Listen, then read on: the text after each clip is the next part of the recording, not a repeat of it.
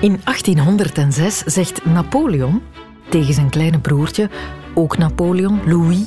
Napoleon, Louis, zegt hij, jij mag koning van Holland worden. Klinkt als een hele eer, maar eigenlijk wilde Napoleon op die manier, via zijn kleine broer, de touwtjes daar vooral mee in handen houden. En die Louis, of Lodewijk wordt dat dan in Nederland, Lodewijk Napoleon, komt daar op een dag toe met een mooie feestelijke intrede in Den Haag. En aan de kant van de straten staat nagenoeg niemand. Geen joelende massa, geen vlaggen, gewoon een paar verloren gelopen tisten, twee zatlappen, twee nieuwsgierigaards en verder totale desinteresse. Er is niet eens verzet tegen de nieuwe koning. Er zijn zelfs geen relschoppers om auwoe te roepen. Het is gewoon apathie. En Lodewijk die voelt al gauw aan dat hij serieus uit zijn pijp gaat moeten komen om de sympathie van de Nederlanders te winnen. Dus denkt hij: ik ga Nederlands leren om in mijn speeches te kunnen tonen dat ik hun vorst wil zijn, dat ik voor hun belangen wil opkomen, dat ik geen marionet van Frankrijk zal zijn. Dus hij neemt taallessen, uitgebreid, en hij betreedt op een dag in Amsterdam het spreekgestoelte. Hij neemt het woord en hij zegt: Ik ben konijn van Holland. Konijn in plaats van koning. Als Fransman, moeilijk woord natuurlijk, maar hij zegt konijn, één verspreking en smans lot was bezegeld. Hij zou de geschiedenis ingaan als Napoleon, de lamme koning, konijn van Holland moet erbij zeggen, het is misschien niet helemaal echt waar gebeurd. Historici durven de waarachtigheid hiervan in vraag stellen, maar het is wel een wijdverspreide anekdote en het zegt wat over verkeerde uitspraak van woorden en hoe zoiets je een leven lang, wat zeg ik, je eeuwenlang kan achtervolgen. En daar wil ik het over hebben. Dus welkom in de wereld van Sophie.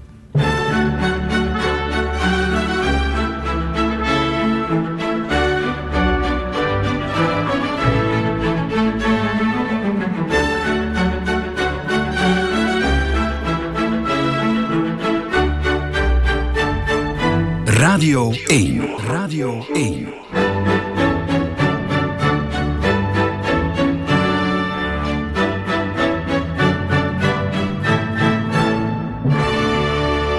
Er was niet zo lang geleden ook zo'n voorval bij ons. Nathalie de Wulf, dat is een Kamerlid voor Vlaams Belang.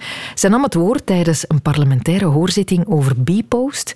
En ze moest het hebben over het consultancykantoor McKinsey. Alleen formuleerde ze die naam een beetje anders. Meneer Capras, die vroeger voor MC Kenzie werkte om deze berekeningen op te stellen voor Bipos. En als we even kijken naar het adviesbureau MC Kenzie, dan zien we de volgende namen verschijnen. Kurt Perlo werkte voor MC Kenzie aan de georoutes van Bipos. Ook Johnny Thijs werkte voordien bij MC Kenzie. MC Kenzie dus. En dat, Babette Mone, dat is niet zomaar gepasseerd. Inderdaad. Nathalie de Wulf, dat was eigenlijk een nobele onbekende uh, voor velen. Tot ze die uitschuiver maakte in de Kamer. En Twitter stond vol met grapjes. Uh, nu weten we hoe de relativiteitstheorie in elkaar zit. E is MC tot de tweede. Nooit geweten dat MC Carty een Beatle was. Grote fan van de nieuwe sportwagen van MC Lauren. Amai, ik kijk uit naar mijn frietjes van MC Donald. En zo kunnen we verder gaan. Mm -hmm. Iemand, hahaha, had muk uitgesproken als MC. Dat is eigenlijk onnozel, want missen is natuurlijk menselijk en Nathalie de Wulf is ook maar gewoon een mens. Maar omdat het dan om een politicus gaat, zijn we natuurlijk extra streng. En zelfs in de afspraak werd er over gedebatteerd. Mogen we hiermee lachen? Professor Madders? Mm, ik zou daar niet mee lachen, nee. Om te beginnen vind ik het enorm belangrijk dat er ook postbodes en, en arbeiders in het parlement zitten. Hè. Omdat het, het, het, parlement moet een afspiegeling zijn uh, van, de, van de samenleving. Heb je ermee gelachen? Ja, je krijgt het binnen. Het is dolkomisch. Je denkt dat het een sketch is van In the Gloria. Ja. Eigenlijk. En de tweede keer en de derde keer. En dan wordt het eigenlijk het wordt de bullebak. Je voelt jezelf als de bullebak op de speelplaats die met het zwakke zusje begint te lachen. Ja, Tom Lanois vond dus dat we niet anders kunnen dan ermee te lachen. En zei ineens ook in the Gloria. Ja, waar boeiend. ook iets over zou kunnen zeggen. Bart Maddens die, eh, vond dat we er niet mee mogen lachen. Want hij zegt, ja, het is net zo goed dat er mensen zijn in het parlement zoals jij en ik. Gewoon eh, mensen van het volk, postbodes enzovoorts. Die maken fouten en dat is eigenlijk net mooi. Waar ze het wel allemaal over eens waren was, ze was niet zo goed omringd. Hè. Iemand had haar op voorhand nog eens even moeten zeggen dat het wel degelijk McKinsey is. Nu, voor Nathalie de Wulf is dat eigenlijk vooral heel vervelend, want ja, je zit daar dan je punt te maken eh, in een dossier dat jij al heel lang opvolgt. En het enige wat mensen nu onthouden hebben, is niet haar punt, maar haar uitspraak van de ene na McKinsey. En in de politiek weet je ook natuurlijk dat dat lang aan je kan blijven plakken. Eh, dat weten we allemaal sinds Joke Schouwvliegen ja. natuurlijk. Ooit minister van Cultuur. Weet je nog hoe ze Matthias Schoenaerts ooit noemde? Uh, Matthias uh, Schoenmaker. Ja. Matthias Schoenmakers. En omdat hij op één been niet kan staan, was er ook nog dit. En de jury heeft geoordeeld dat Jeff Kenny de winnaar is. Proficiat. Ja, Yevgeny werd Yevgeny. En dat was ondanks veel oefening, liet ze nadien ook weten. Want ze had blijkbaar in de auto richting de Nekanacht tegen zichzelf heel de tijd gezegd zeg niet Yevgeny, zeg niet Yevgeny. Het is Yevgeny, maar ja, wat gebeurt er dan natuurlijk? Dan zeg je op het moment... Hoe meer je er op voorhand over panikeert, dat je... hoe groter de kans dat je de fout maakt. Ja, inderdaad. Dus dan kwam het er toch verkeerd uit. En natuurlijk, dat is extra pijnlijk als je minister van Cultuur Bent. Want veel mensen maken dan meteen de associatie. Ze is niet beslagen genoeg op het ijs uh, gekomen. Nu, eigenlijk, als we heel eerlijk zijn, we maken constant zelf uitspraakfouten. Mhm. Mm. Ga eens bij de gemiddelde Italiaan iets eten, leg je oor te luisteren in de zaal en gegarandeerd dat je op één avond een stuk of tien mensen dit hoort bestellen. Gnocchi met abdekaas. Ja, gnocchi. Ja, en nadien om alles door te spoelen. Mm, wat is dat? Is dat een cappuccino? Het is een espresso. Dat is een zeer goede, zeer goede espresso. Een zeer goede espresso. En dan uh, kan je beter de limoncello nog achterwege laten, want anders dan kom je misschien iemand tegen van BOB-campagne. De BOB-campagne. En dan hang je eraan natuurlijk. Om maar te zeggen, we maken allemaal uitspraakfouten. Zeker als het woorden zijn die we niet alle dagen uitspreken, zoals bijvoorbeeld McKinsey. Maar ook dat ding dat we allemaal pas hebben leren kennen tijdens het WK in 2010 in Zuid-Afrika. Nieuw in dit verband is toch uh, de opkomst van de, Vuvuzu, van de Vuzuela-koen, excuseer, de Vuzuela, uh, overgewaaid uit Zuid-Afrika en nu ook een wapen in handen van de antiglobalisten. Ja, Bert Rijmen die zat bijna in Zuid-Amerika met, mijn, met zijn uh, Vuvuzuela.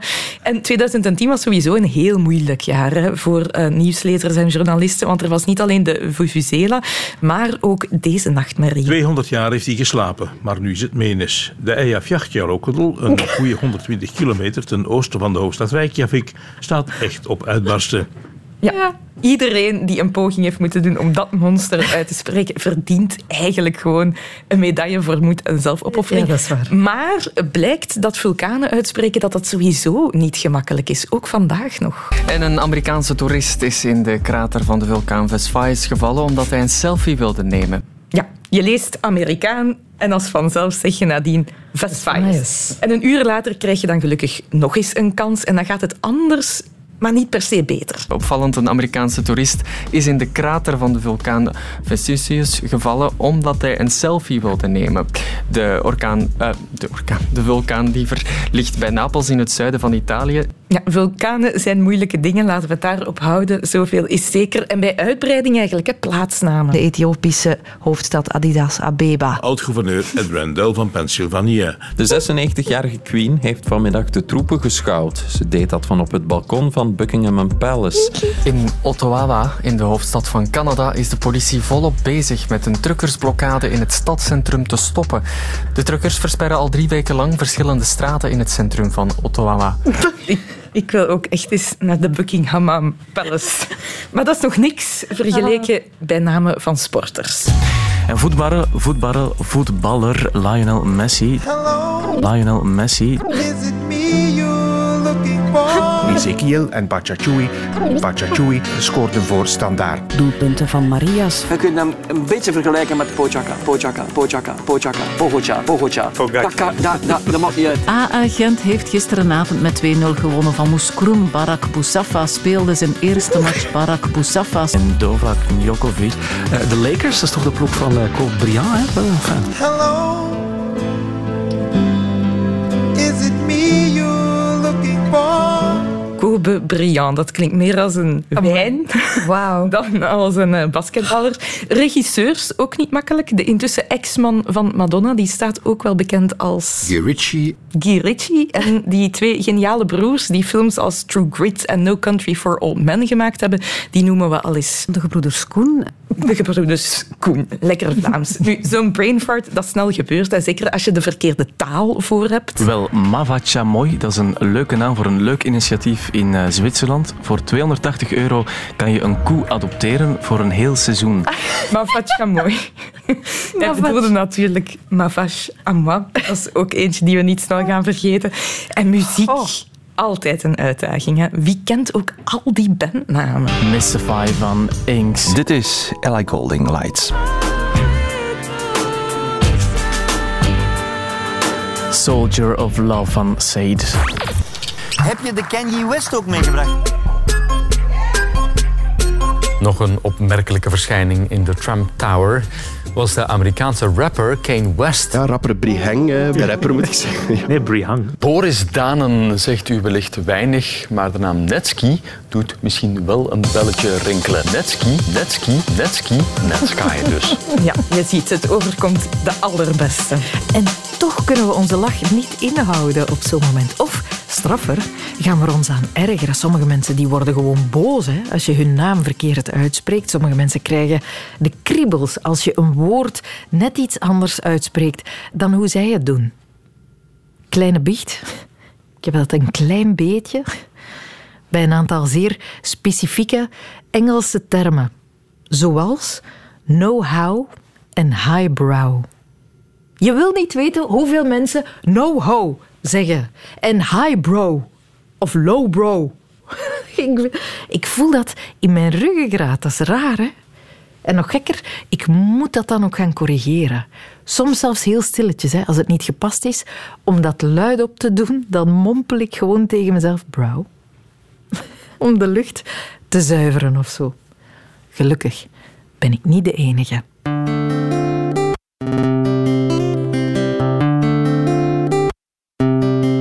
Wat ik heel raar vind, is dat mensen tegen supermarkt Colruyt de Colruyt zeggen.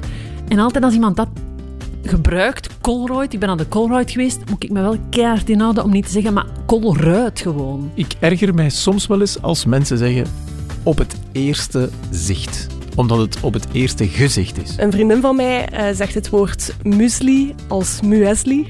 En uh, we hebben haar daar al eventjes mee lastiggevallen. En dat is wel echt, ja, dat doet wel pijn in mijn hoofd als ik dat woord zo hoor uitgesproken worden. Ik erger mij aan de foute uitspraak van mijn eigen naam. Mijn naam is uh, Larissa en iedereen spreekt het uit als Larissa. Ik negeer die mensen gewoon. Ik antwoord gewoon helemaal niet aan. Jongeren die hun als uh, persoonsvorm gebruiken, dus hun hebben dat gedaan of het is uh, hun die dat zeggen of zo. En dat, uh, ja, dat is fout. En, en, je hoort dat ook vaker opduiken bij jongeren. En dat is iets waar ik dan mijn eigen kinderen ook wel eens op wijs. Van het is niet correct om dat zo te doen. Ik ken iemand die vegan zegt voor vegan eten. Ik heb dat opgezocht. Via Wikipedia is het wel degelijk vegan, ook in het Nederlands. maar ja, die vegan krijg ik er toch niet uit. Ik heb een vriendin die dat altijd macaroni zegt in plaats van macaroni. En dan denk ik ook, maar wie is Ronnie? Het is macaroni. Als uh, mensen op restaurant een pizza prosciutto bestellen, dan uh, ja, kom ik echt slecht van... Ik heb een uitwisseling gedaan in Italië. Ja, ik moet wel echt mijn tong drie keer omdraaien om geen, uh, om geen opmerking te maken. Ik heb het vooral moeilijk als er uh, frituursnacks verkeerd worden uitgesproken, omdat dat nog wel een beetje gevoelig ligt. Dat is nog wel iets waar ik van hou. Uh, er zei iemand een tijd geleden aan de frituur, voor mij een cervela. Dat is, is gewoon niet juist, het is cervela. En daarna zei hij ineens, en doe ook nog maar een frikandel. Ik ben in een hoekje weggekropen.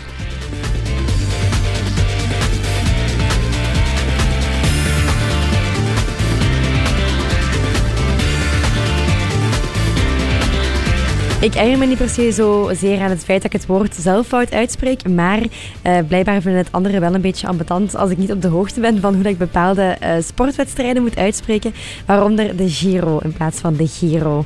Uh, wist ik zelf niet, maar bij deze wel. Drinkenbus. Het is drinkbus, geen drinkenbus. In mijn omgeving wordt er wel eens epistel gezegd, in de plaats van epistel. Ik kan mij echt ergeren aan de uitspraak van het woord epidemie.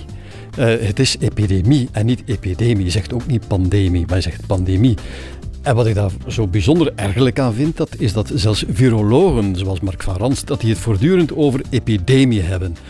En dan zit ik telkens in mijn zetel thuis te roepen van epidemie. Ik haat het als mensen avocado zeggen in plaats van avocado. Mijn docent heeft dat ooit gezegd tegen mij en dat stoorde mij gewoon enorm, omdat als docent moet je toch een beetje opletten op wat je Nederlandse taal en zo. Het bedrijf Deloitte heeft uh, een Franstalige schrijfwijze, maar toch wordt het op zijn Engels gezegd en dat is heel lang geduurd. Ik zei vroeger eigenlijk altijd Deloitte. Totdat er een vriend uh, bij Deloitte dan ging gaan werken, dat het Deloitte was en niet Deloitte. En dat is nog altijd uh, een grote reden tot hilariteit. Waar ik me kapot aan erger, uh, zijn mensen die een woord dat eindigt op rijk, belangrijk bijvoorbeeld, uitspreken als belangrijk. Politici hoor je dat heel vaak doen, professoren, uh, eender wie. Heel veel mensen zeggen belangrijk. Mensen die sceptisch zeggen in plaats van sceptisch. Doet me denken aan een sceptische put en is iets anders dan sceptisch. Dus het is gewoon verwarrend. Ik vind het zo verwarrend hoe mensen LinkedIn uitspreken, dat ik ook zelf niet weet hoe dat je het moet uitspreken. Je hoort LinkedIn, LinkedIn, LinkedIn, LinkedIn, ik weet het niet. Dus dat, frustreert mij enorm, want dan denk ik als sociaal platform heb je het niet goed gedaan. Dat is ook een manier om ermee om te gaan. Hè. Steek het gewoon op het woord. Ze moeten maar zo moeilijk niet doen, LinkedIn. Maar toch een bijzonder fenomeen, hè, dat we hechten aan een goede uitspraak en dat we anders ofwel beginnen te lachen, ofwel ons beginnen te ergeren, of erover gaan discussiëren, zoals in het MC Kenzie geval. Ik ben op zoek gegaan naar een verklaring daarvoor bij professor Nederlandse taalkunde en taalsocioloog aan de VUB, Wim van den Bussen. Ik denk dat hier een heleboel dingen samenkomen. Uh, ik vind het persoonlijk heel gezond, en zeker in de politiek, dat er met veel, of dat er af en toe eens met iets gelachen kan worden. Humor uh, kan je toelaten om veel te, te relativeren, wat niet uh, betekent dat er geen kwesties zijn waar je, waar je beter heel sereen mee omgaat. Nu, in dit specifieke geval. Um, als iemand uh, Mackenzie uitspreekt als MC Kenzie, uh, dan heeft dat er vermoedelijk mee te maken uh, dat die mevrouw niet goed gebriefd was over de uitspraak van, van de naam van dat bedrijf. Dat ze MC uitspreekt als MC, dat is op zich niet zo vreemd. Hè? MC kan in een aantal andere contexten ook effectief zo uitgesproken worden. Uh, denk aan de naam van, uh, van een rapper zoals MC Hammer, daar staat uh-huh. ook MC.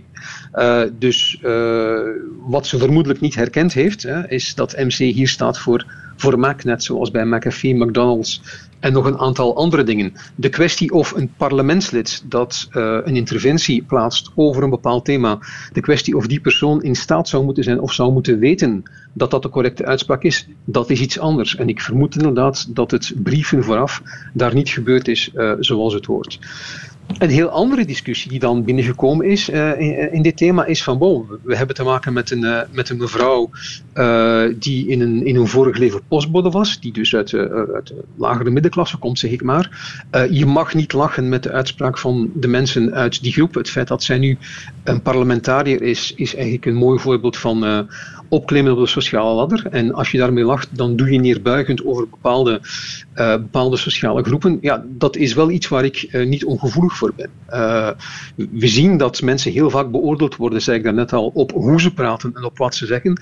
En we zien ook dat er vaak een link gelegd wordt tussen hoe iemand iets zegt en de sociale achtergrond van een persoon. En dat daar vaak ook wel neerbuigend uh, uh, op gereageerd wordt. En dat is uiteraard niet wat je wil in een, in een warme samenleving. Dat is niet wat je wil in een samenleving waarin iedereen zich ervoor moet kunnen ontplooien. Ja, ja. Studies wijzen toch ook aan dat het dialect waarin je spreekt ook een uh, invloed heeft op hoe mensen jou gaan beoordelen bij bijvoorbeeld sollicitaties en zo? Ja, dat klopt. En, en, zeker in Vlaanderen zijn we daar uh, zeer gevoelig voor. Hè. Dus waar we nog altijd heel erg opkijken naar een, uh, een standaardtaal, ideaal. En u zal mij als professor Nederlandse taalkunde nooit horen beweren dat die standaardtaal niet belangrijk is. Maar je ziet dus wel dat uh, mensen die eerder met een, een, dialectisch accent praten, dat die anders beoordeeld worden. Hè. Dat, dat, soort, dat soort stereotyperen zie je bijvoorbeeld ook in, in films. Een heel mooi voorbeeld is, is de schitterende animatiefilm Chicken Run uh-huh. waar de twee domme kippen West-Vlaams praten. U nog, ik voelde zich waarschijnlijk aangesproken. Um, en waar bijvoorbeeld de heel arrogante uh, Haan met een Antwerps accent praat. Uh, ik laat in het midden of dat uh, terecht is of niet. maar daar merk je dus dat die stereotypering heel duidelijk werkt. Uh-huh. ik geef een, een, een ander voorbeeld. Uh, mocht ik nu heel de uitleg die ik net gedaan heb, uitgedaan hebben met het accent dat ik nu gebruik, Ah, dan is de kans heel dat de mensen zouden denken dat ik misschien niet zo slim ben. en mocht ik diezelfde uitleg doen met het accent dat ik nu gebruik, dan bestaat de kans dat mensen zouden denken dat ik misschien een beetje traag ben.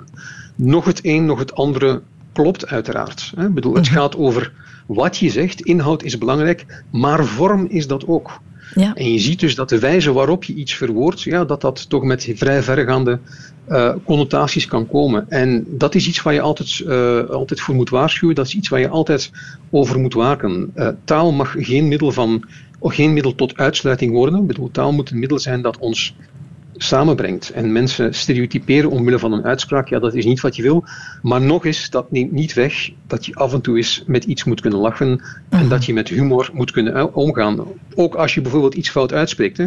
Heel de MC Kenzie-zaak, dat heeft tot uh, zeer fijne memes en uh, heel veel hilariteit geleid. Nu, wat, wat foute uitspraken betreft van namen, in dit geval gaat het denk ik om een, om een duidelijk onbedoelde foute uitspraak. Mhm. Uh, je ziet in dit domein ook dat het bewust fout uitspreken van namen ook een talige strategie is die gebruikt wordt om mensen in een bepaalde hoek te duwen. Ah ja, hoe dan? Uh, ik geef één voorbeeld. Uh, de, de, de huidige vicepresident van de, van de Verenigde Staten, uh, Kamala Harris, bedoel, haar naam, vooral haar voornaam, wordt heel vaak fout uitgesproken en ook bewust. Hè. Er is een, een talkshow-host van Fox News die die naam bijvoorbeeld een tijdje geleden voortdurend fout uitgesproken heeft. Ook een, een republikeins parlementslid heeft dat gedaan.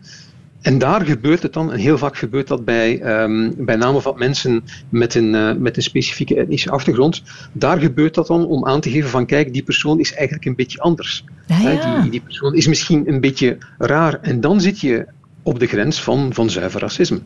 Mhm. Uh, de gevoeligheid voor dat soort foute uitspraken uh, is, ook, uh, van namen, is ook enorm gestegen. Want als je iemands naam fout uitspreekt, ja, dan, dan raak je voor een stukje aan de identiteit van een persoon. En dat vinden mensen uiteraard, uiteraard niet leuk. Uh, en als dat dan gecombineerd wordt, zoals bijvoorbeeld in het voorbeeld van, uh, van Kamala Harris, uh, met, met, met een bepaalde politieke sfeer, ja, dan, dan, dan zit je op een, op een hellend vlak dat, dat best wel onaangenaam kan zijn. Ja, ja, ja. Maar het gebeurt wel en het gebeurt wel vrij systematisch. in die mate dat er bijvoorbeeld in de States, maar ook in, in het Verenigd Koninkrijk, steeds meer aandacht is voor dat soort foute uitspraken, dat sommige mensen zelf gaan zeggen van als je mijn naam fout uitspreekt, dan is dat eigenlijk een vorm van, van microagressie. En je moet natuurlijk een aantal dingen kunnen, kunnen relativeren, maar als dat systematisch gebeurt en als het ook bewust systematisch gebeurt, zoals in het voorbeeld van uh, Kamala, uh, um, um, Kamala. Kamala. Harris. Sorry, ja? Kamala. Ja. Context is ehm, alles.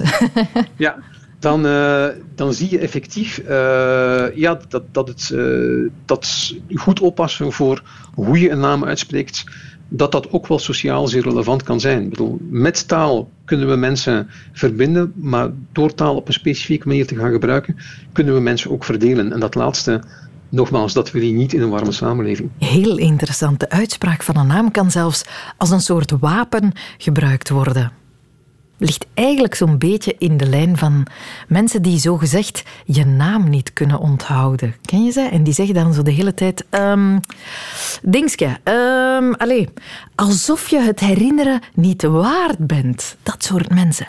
Ver van weg blijven. Dat is mijn advies. Maar goed, dat terzijde.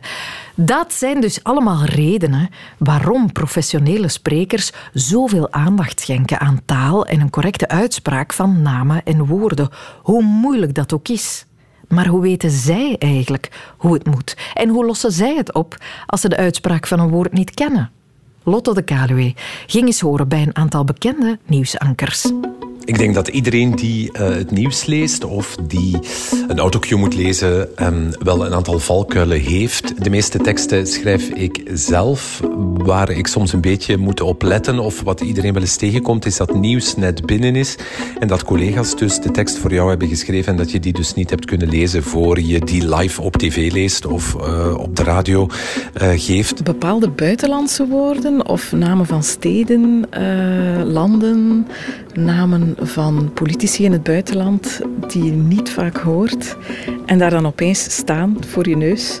Nieuws gaat altijd heel snel en snel is niet altijd goed, dus dat maakt het altijd al een beetje moeilijk, zeker het journaal van één uur. Dan hebben we echt niet zo heel veel tijd. Waar ik uh, specifiek op let zijn zeker alle woorden en vooral plaatsnamen uh, ja, die met het buitenland te maken hebben. Gelukkig hebben we daar hele goede mensen zitten die ik uh, heel snel kan contacteren, kan bellen en die vaak helpen. Of ook tegenwoordig met WhatsApp, die het snel inspreken en doorsturen. Maar soms weten we het ook niet.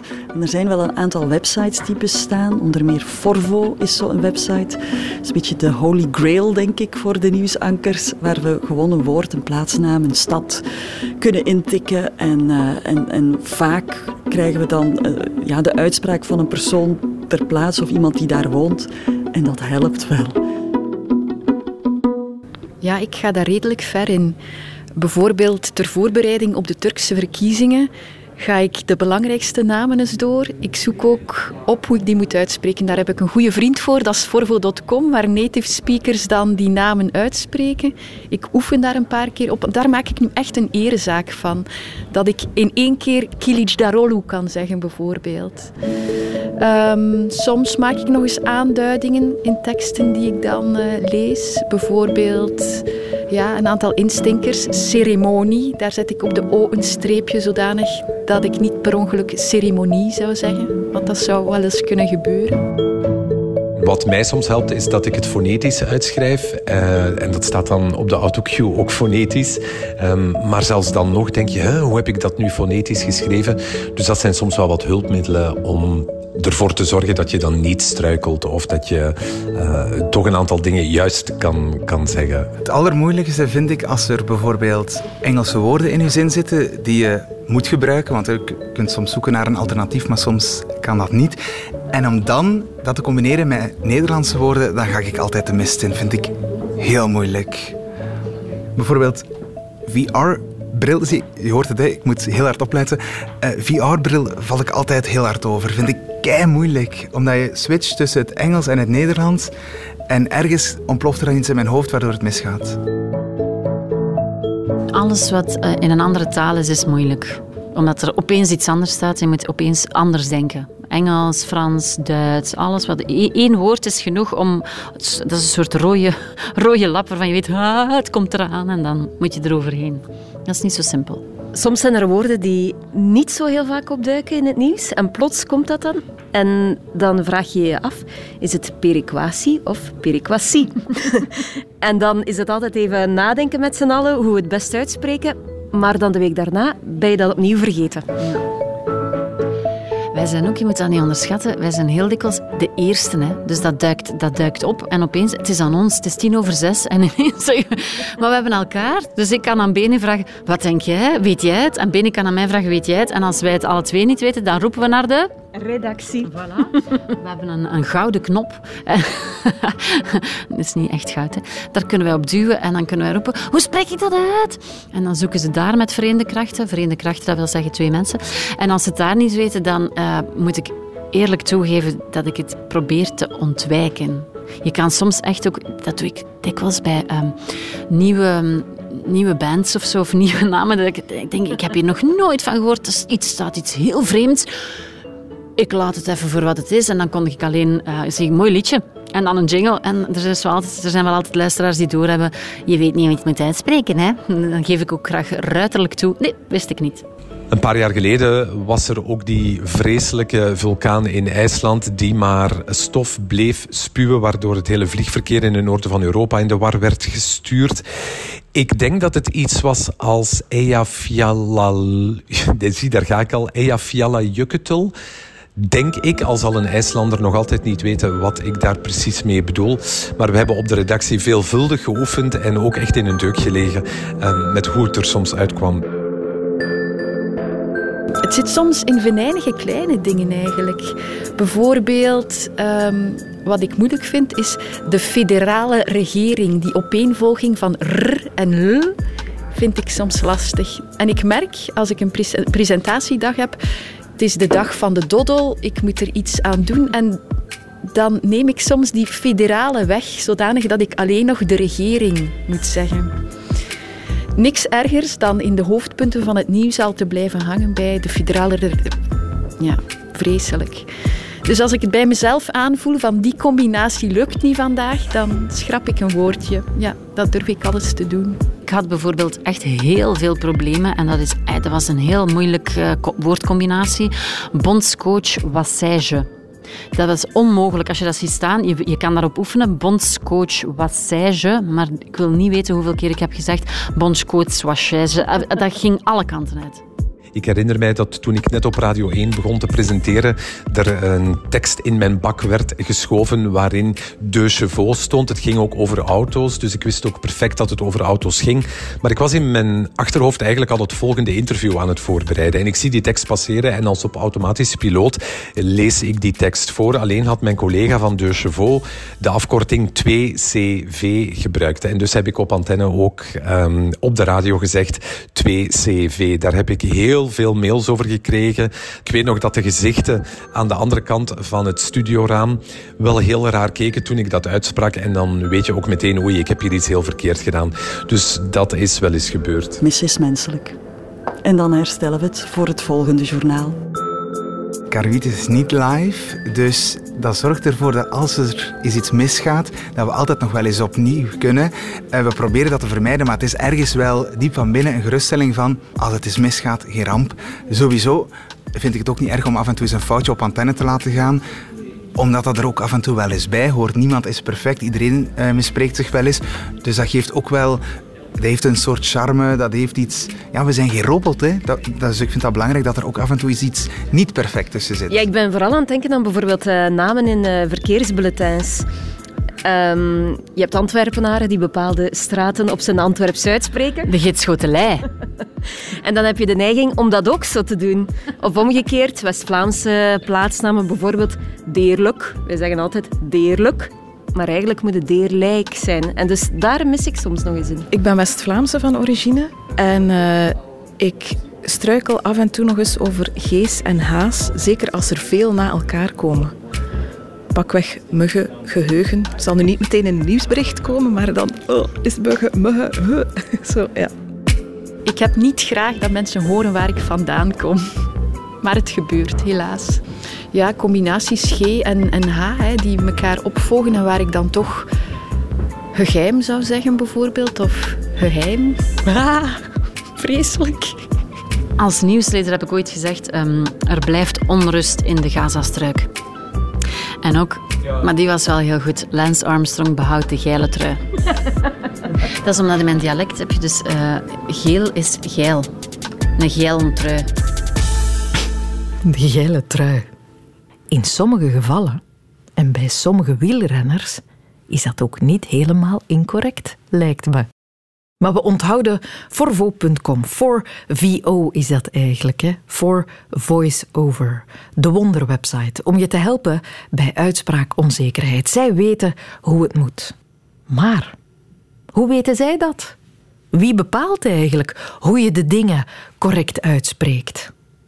Ik herinner mij toen ik begon bij de radio, sommige woorden werden er echt ingedramd. Het is regie, niet regie. Energie, niet energie. Idealiter, normaaliter. Paprika, niet paprika. En eigenlijk zeg je vanille in plaats van vanille. Zegt wie? Dat vroeg ik aan hoogleraar taalkunde en fonoloog aan de Radboud Universiteit in Nijmegen, Mark van Oostendorp. En zijn antwoord was heel verrassend. Nee, dus ja, zelfs al ben ik dan inderdaad hoogleraar Nederlands, zelfs mij is nooit gevraagd om in zo'n commissie plaats te nemen. Want zo'n commissie bestaat ook niet. Ah, nee? Eh, dus er bestaat een commissie voor de spelling. Hè, dus er bestaat een officiële spellingcommissie van de Nederlandse Taalunie. Dus daarmee van de Vlaamse en Nederlandse overheid samen. En die bepaalt heel precies letter voor letter hoe je woorden moet schrijven. Maar voor de uitspraak bestaat dat niet en heeft dat ook eigenlijk nooit bestaan. Dus er is geen wetboek, er is gewoon letterlijk een soort, er is een spellingwet, maar er is geen wet voor uitspraak. En daarmee zou je kunnen zeggen, ben je strikt genomen vrij om te praten zoals je, zoals je wilt, in wat voor omstandigheden dan ook.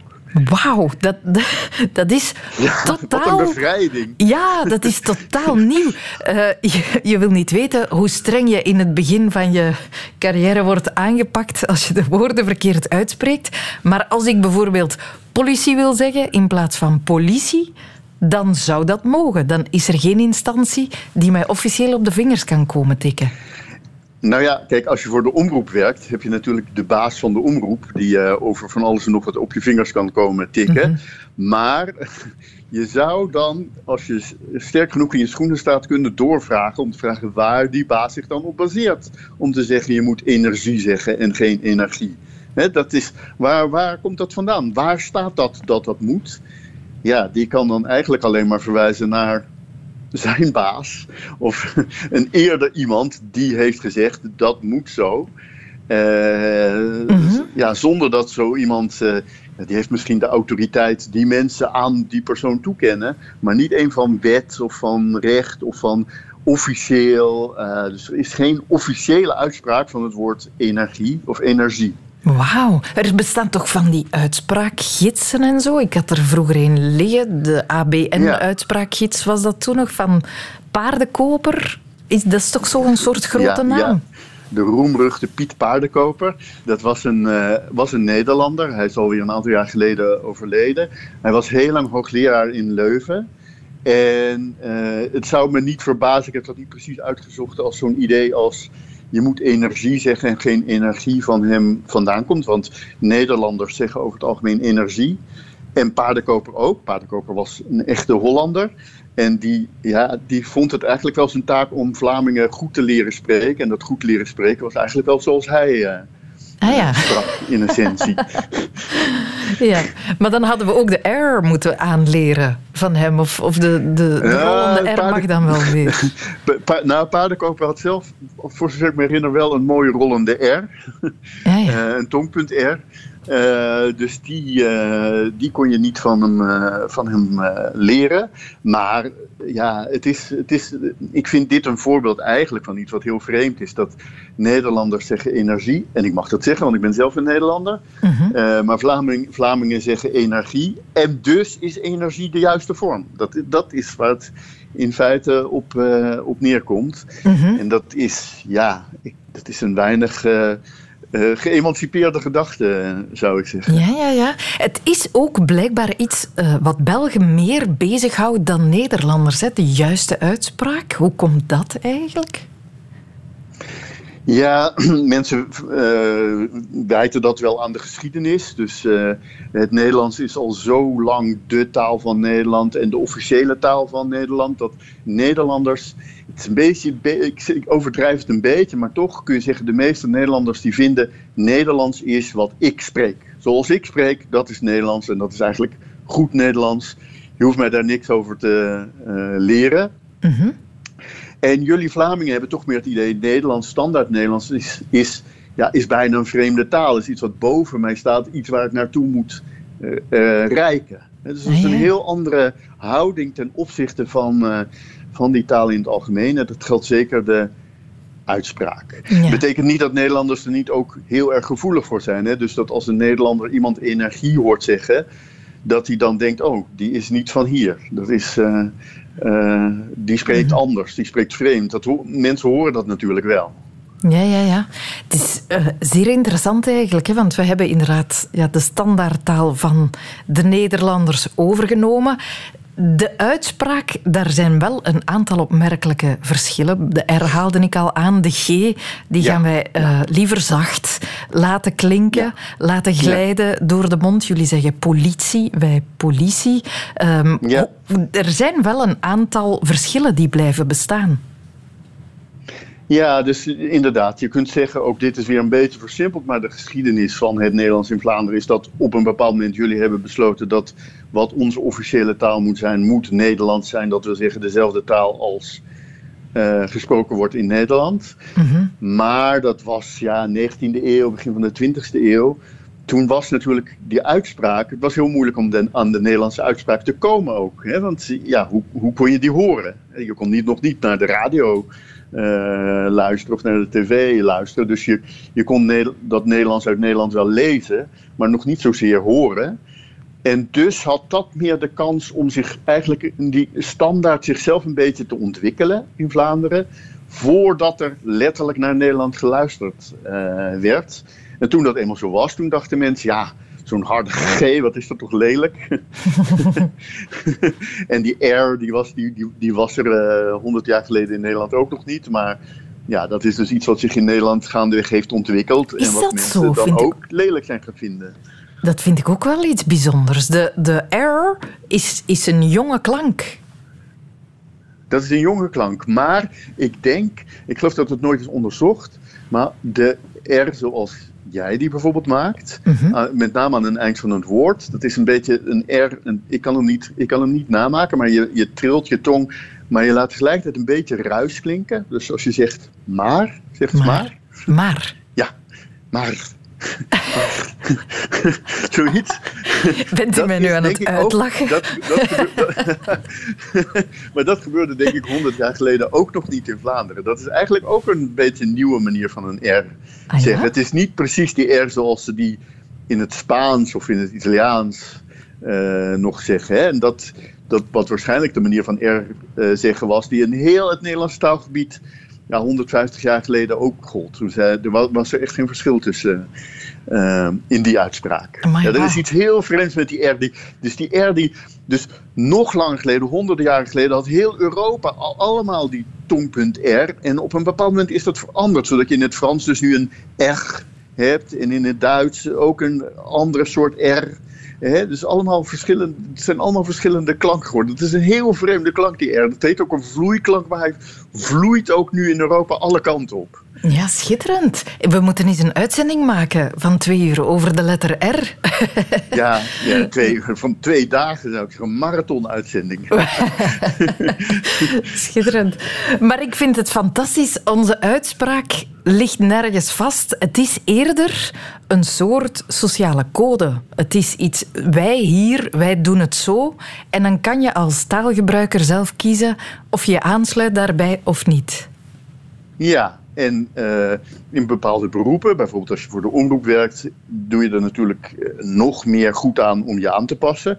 Maar eigenlijk pas je je altijd een beetje aan. Hè. Dat is ook een kenmerk van uitspraak, is dat mensen zich altijd aanpassen. Dus in dit gesprek, ook al zijn we ons daar niet van bewust, praten wij allebei een beetje anders dan als we met iemand anders spreken, omdat we ons een klein beetje onbewust aan elkaar aanpassen. Dat is waar.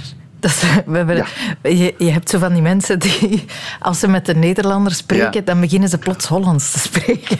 Ja, ja, ja. ja, ja. Mijn vader had het heel erg. Die, die, dus mijn vader die was vertegenwoordiger, dus die werkte in de handel. En je kon altijd aan hem horen met wie hij aan het praten was uh, aan de telefoon. Mm -hmm. Nu, als ja. we een klein beetje afdwalen, als er geen uitspraakregels zijn, wat klemtonen betreft bijvoorbeeld, als ik mag kiezen of ik nu energie of energie zeg, omdat er toch geen instantie is die daar uh, uiteindelijk de beslissing in maakt, dan mag ik misschien ook wel kiezen of ik uh, lelijk of lelijk zeg. Dan zou dialect op den duur ook geen bezwaar meer mogen zijn. Ja, ja, ik wil eerst zeggen, ik, je moet mij niet verantwoordelijk nu stellen als je voortaan energie zegt en je wordt ontslagen bij de omroep. Nee, nee. maar, maar, dat is, dat, ik, ik persoonlijk ben erg anarchistisch op dit vlak en ik kijk altijd met veel waardering en een beetje jaloezie naar een land als Noorwegen. Waar feitelijk, als je daar naar de omroep luistert, spreekt iedereen daar nog in het eigen dialect. En dat is een heel, er wonen niet zoveel mensen, maar het is een heel groot land. Dus ze hebben wel heel veel dialecten die ook echt wel uit elkaar liggen. Maar mensen zijn eraan gewend. Ze zijn eraan gewend om die andere dialecten te kunnen begrijpen. Natuurlijk niet te spreken, maar wel te begrijpen. En ja, ik denk dan waarom niet? He, dus als je Vlaming bent, dat West-Vlaams heus het is heus niet zo moeilijk om te eh, eh, begrijpen. Mhm. En ik zou dat heel mooi vinden als je meer van dat soort, eh, die rijkdom van al die eh, eh, variëteiten zou kunnen horen. En dat is al de tweede professor taalkunde die pleit voor meer mildheid jegens de ander en zijn of haar uitspraak. Vrede op aarde voor iedereen. Er zijn geen uitspraakwetten. Hadden ze dat maar in 1876 geweten, waar Bogaert tijdens wat misschien wel de hoogst oplopende uitspraakdiscussie ooit is geweest? Laat die misschien maar weg. Het is absoluut de hoogst oplopende discussie. Ik was er net nog over aan het lezen in ehm, eh, de Denver Post. Ah, jij leest de Denver Dat is een, Post? dat is een hobby van mij. eh, archieven van de Denver Post lezen. Een artikel uit 1912, dus 5, 36 jaar eh, later.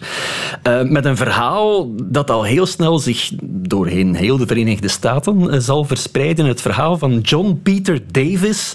Dat is een man van 70, een gewezen voerman, die op sterven ligt en op zijn sterfbed een bekentenis doet. Nu, dat is altijd interessant. Hè? Nog niet zo lang geleden hebben we daar zelfs eens een hele uitzending van de Wereld van Sophie aan gewijd, aan dat soort sterfbedverhalen. maar goed, hij vertelt dus op zijn sterfbed, eh, weet je het nog, die moord op William Atchison in Castle Rock, Colorado in 1876.